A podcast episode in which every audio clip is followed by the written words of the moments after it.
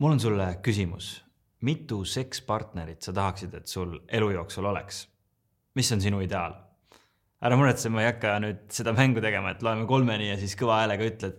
aga mõtle korraks, kas see number on kümme, viis, kakskümmend viis, võib-olla mõtled, et mida rohkem, seda parem, et elus peab ju kogemusi omandama ja enda maailma avardama või oled konservatiivsem, nii et äkki sihuke kaks-kolm olekski juba piisavalt hea.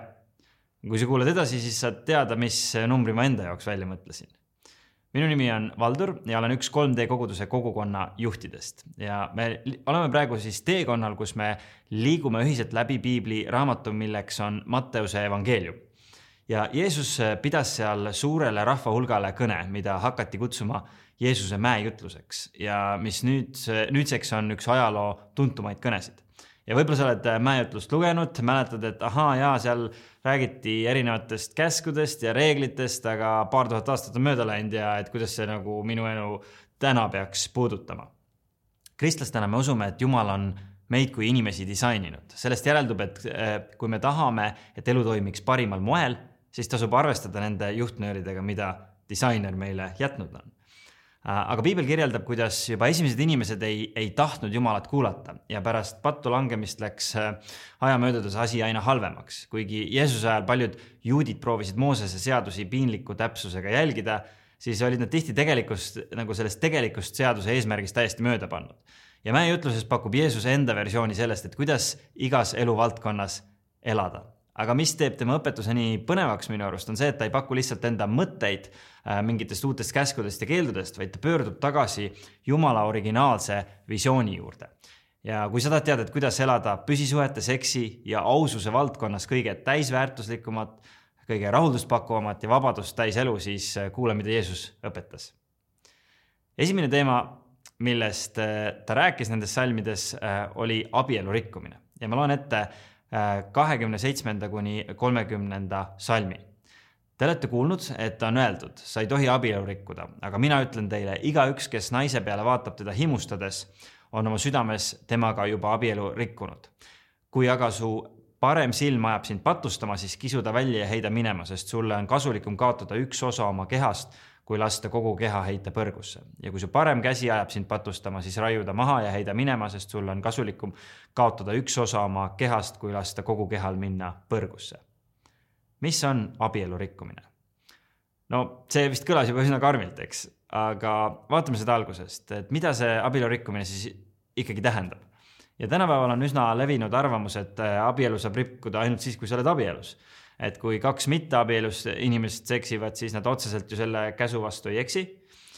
Äh, pastor Timothy Keller kirjutab, et äh, antiikses juudi kultuuris oli äh, see mõte nagu seksist enne abielu nii mõeldamatu, et seda lihtsalt ei peetud isegi vajalikuks eraldi kirja panna. ja seda kinnitab näiteks Pauluse õpetus esimese korintlaste seitsmenda peatüki üheksandas salmis, kus ta siis ütleb nendele vallalistele inimestele, et kui äh, nad ei suuda end taltsutada, siis nad abiellugu, sest äh, parem on abielluda, kui himudes põleda. ehk siis Pauluse selge eeldus oli see, et vallalised inimesed ei peaks elama seksuaalelu. ja see mõte, et äh, seksida võiks ainult abielus, tundub tõenäoliselt keskmisele lääne ühiskonna noorele täiesti veider, võimalik, et ka kuidagi ülimalt kitsarinnaline.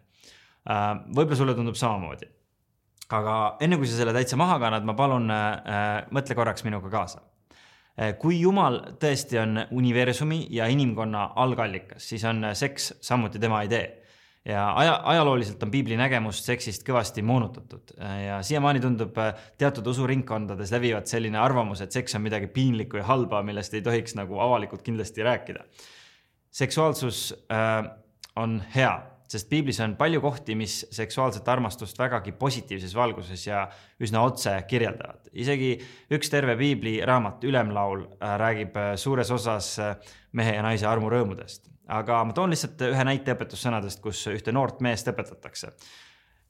tunne rõõmu oma noorpõlve naisest, kes on otse kui armas emahirv, kena kaljukits, ta rinnad joovastagu sind igal ajal, eksi alati tema kallistustesse et võib-olla meil siin Eestis see kitseteemaline kompliment väga naistele peale ei lähe, aga olgem ausad, seksuaalsusest räägitakse üsna otse ja vabalt.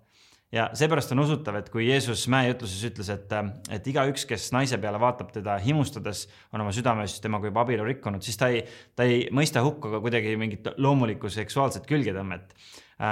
ja Richard Thomas France toob piibli kommentaarides välja, et Jeesus annab märku, et vale on selline lubamatu suhte teadlik hellitamine ehk see, kui sa hakkad näiteks teise mehe naisega seotud kiusatusest tekkinud mõtteid ise kuidagi edasi arendama võib-olla sa mõtled, et okei okay,, et see mõte ju sobib, et jumal mõtles seksi välja ja ütles, et see on hea, aga miks siis sellised nagu karmid reeglid ja hoiatused ikkagi nii vajalikud on Jeesuselt, et kas see ei ole kuidagi piirav ja negatiivne kõik? ja ma usun, et äh, tegelikult võib üllataval kombel olla olukord hoopis vastupidine. Vaatame lähemalt, et mis oli Jumala algne visioon seksi jaoks. Timothy Keller õpetab, et äh, piibli seksuaaleetika saab kokku võtta ühe lausega. seks peab toimuma lepinguliselt pühendunud armastuse suhtes ehk abielus. ja inglise keeles kutsutakse sellist armastuse lepingut sõnaga covenant.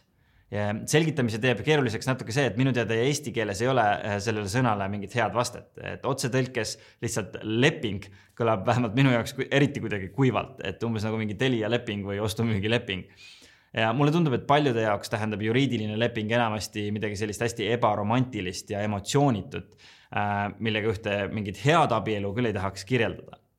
Äh, ja ma usun, et see on üks põhjus, miks osad inimesed arvavad, et abielu on mõttetu. Äh, meil pole mingit paberit vaja, meil on ju armastus. Ähm, pastor Keller ütleb aga, et piibli mõiste covenant on tegelikult väga palju erilisem ja sügavam.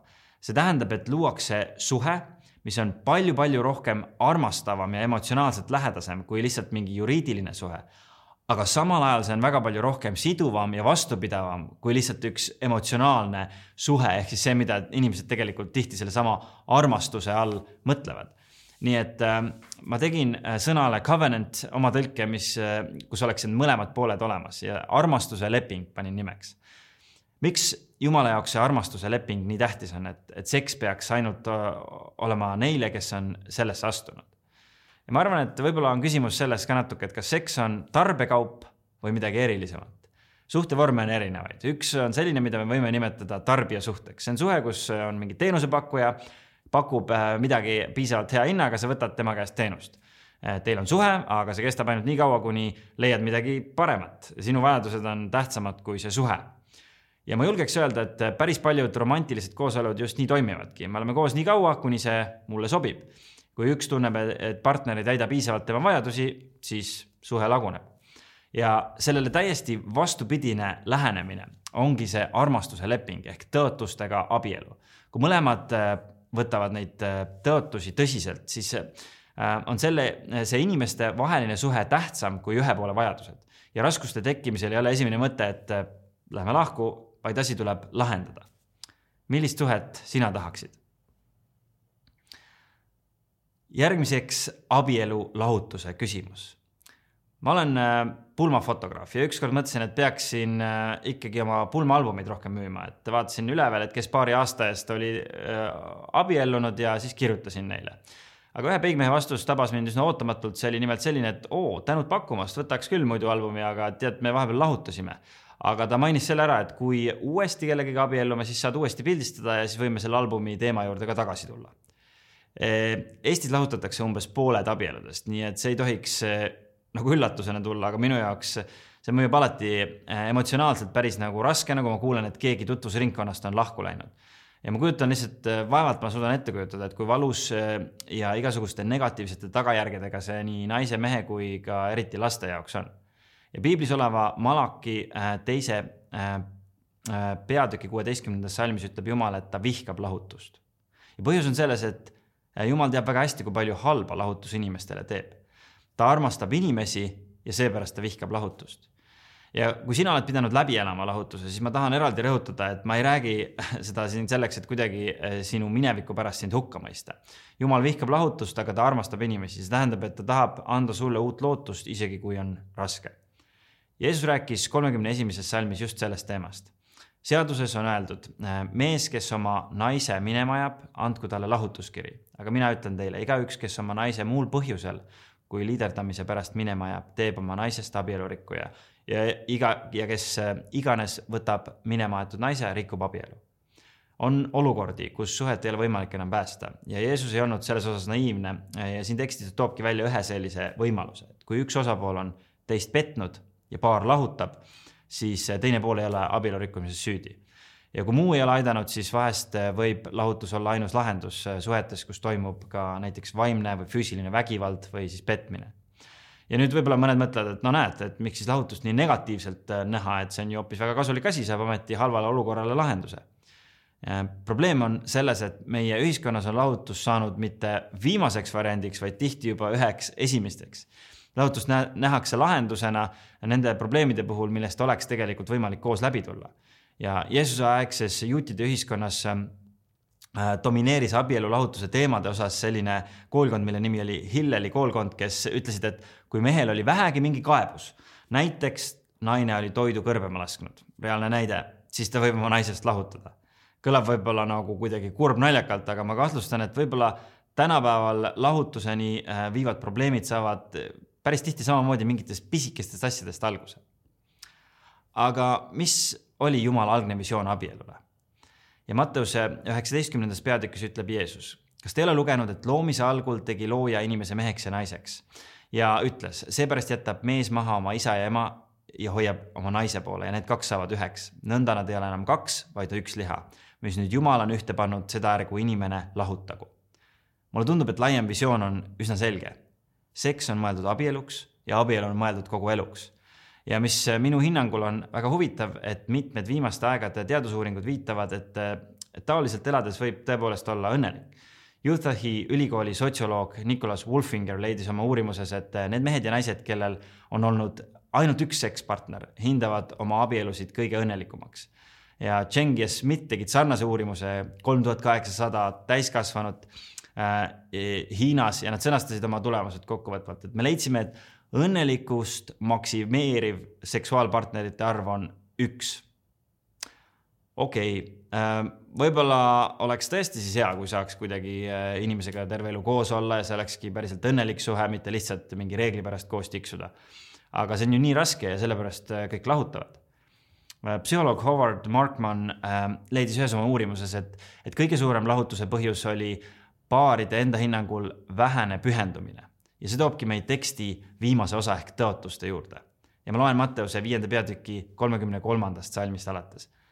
veel olete kuulnud, et muistsele põlvele on öeldud, sa ei tohi valet vanduda ja issandale antud vandeid tuleb pidada aga mina ütlen teile, ärge vanduge üldse ei taeva juures, sest see on Jumala troon, ei maa juures, sest see on tema jalgealune järg, ega Jeruusalemma juures, sest see on suure kuninga linn.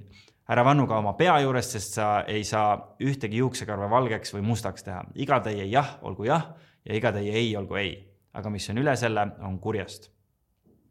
sinu ema ütles sulle ja kümnes käsk ütles juba ammu, et valetada ei tohi aga juutidel kujunes välja selline nagu kohtupraktika, et äh, mida lähemal sa templile ja jumala nimele vande andsid, seda nagu tõsisemalt tuli seda võtta.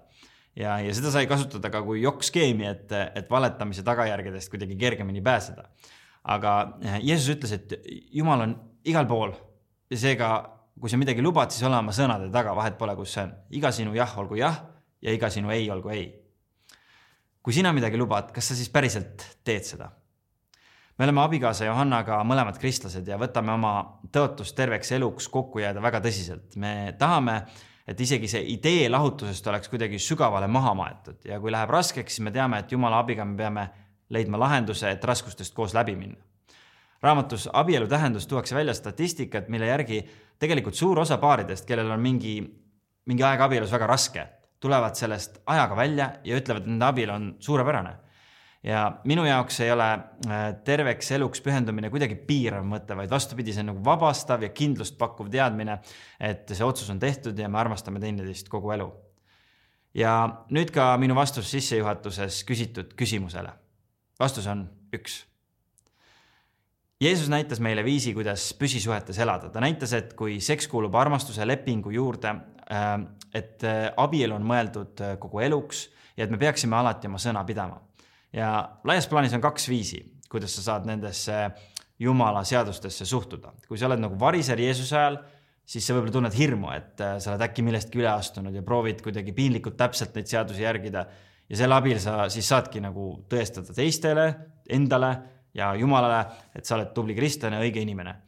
aga Jumala käsud on sinu jaoks äh, suur koorem ja neid on raske täita. aga täielikult teine lähenemine on see, kui sa usud evangeeliumi sõnumit sa ei pea kartma, sest sa tead, et Jeesus on kõik sinu üleastumised ja ebaõnnestumised enda peale võtnud ja sind lunastanud. ja Jumal näeb ja armastab sind eh, oma radikaalse armu pärast, isegi kui sa oled eksinud. ja nüüd on Jumala seadus väga tore asi, sest see on viis, kuidas sa saad eh, oma armastust väljendada, tänulikkust ja rõõmu ja nüüd on võimalus sul mõelda püsisuhete, armastuse ja aususe peale, kui sa osaled kogukonnas, siis eh, järgmiste küsimuste abil tänast teemat veel edasi mõtestada. aitäh kuulamast